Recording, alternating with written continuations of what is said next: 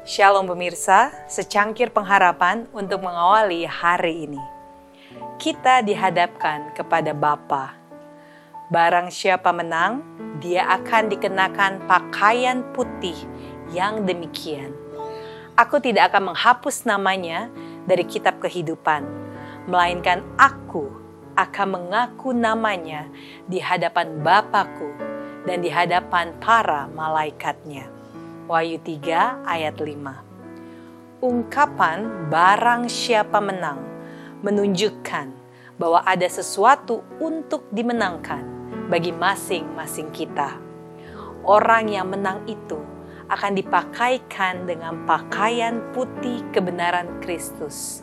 Dan tentang sang pemenang ada tertulis, Aku tidak akan menghapus namanya dari kitab kehidupan, melainkan aku akan mengaku namanya di hadapan Bapakku dan di hadapan para malaikatnya.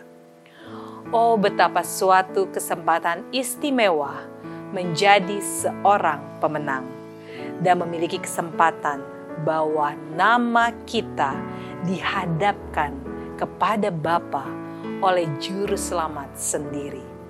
Betapa indah jaminan yang terkandung dalam perjanjian ini dorongan besar apakah yang dapat ditawarkan kepada kita untuk dapat menjadi putra-putri Allah? Siapakah yang akan memakai seluruh perlengkapan senjata itu? Siapakah yang akan terdaftar di bawah panji Raja Immanuel yang berlumuran darah itu? Pencerahan ilahi dapat terjadi pada setiap anak Allah yang berjuang dan dicobai, agar dia tidak perlu jatuh dalam peperangan dengan kuasa kegelapan itu, melainkan menjadi seorang pemenang dalam setiap peperangan.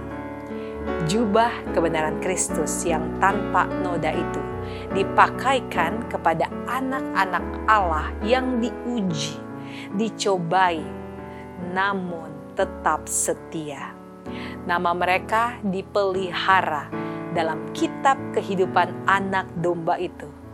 Terdaftar di antara mereka yang setia dalam segala zaman. Mereka telah melawan segala tipu daya sang penipu itu. Mereka juga tidak berbalik dari kesetiaan mereka dengan adanya auman naga itu. Sekarang mereka selamat untuk selama-lamanya dari sang penggoda itu. Umat sisa itu bukan saja diampuni dan diterima, melainkan dihormati. Serban tahir dikenakan pada kepalanya. Mereka itu menjadi seperti raja dan imam bagi Allah. Sedangkan setan sedang mendesakkan segala tuduhannya dan berusaha hendak membinasakan rombongan ini. Para malaikat suci yang tidak kelihatan sedang berjalan ke sana kemari, menaruh di atas mereka meterai Allah yang hidup. Inilah mereka yang berdiri di atas bukit Zaitun bersama anak domba itu dengan nama Bapa tertulis di dahinya. Demikianlah renungan kita hari ini. Selalu mulai harimu dengan secangkir pengharapan.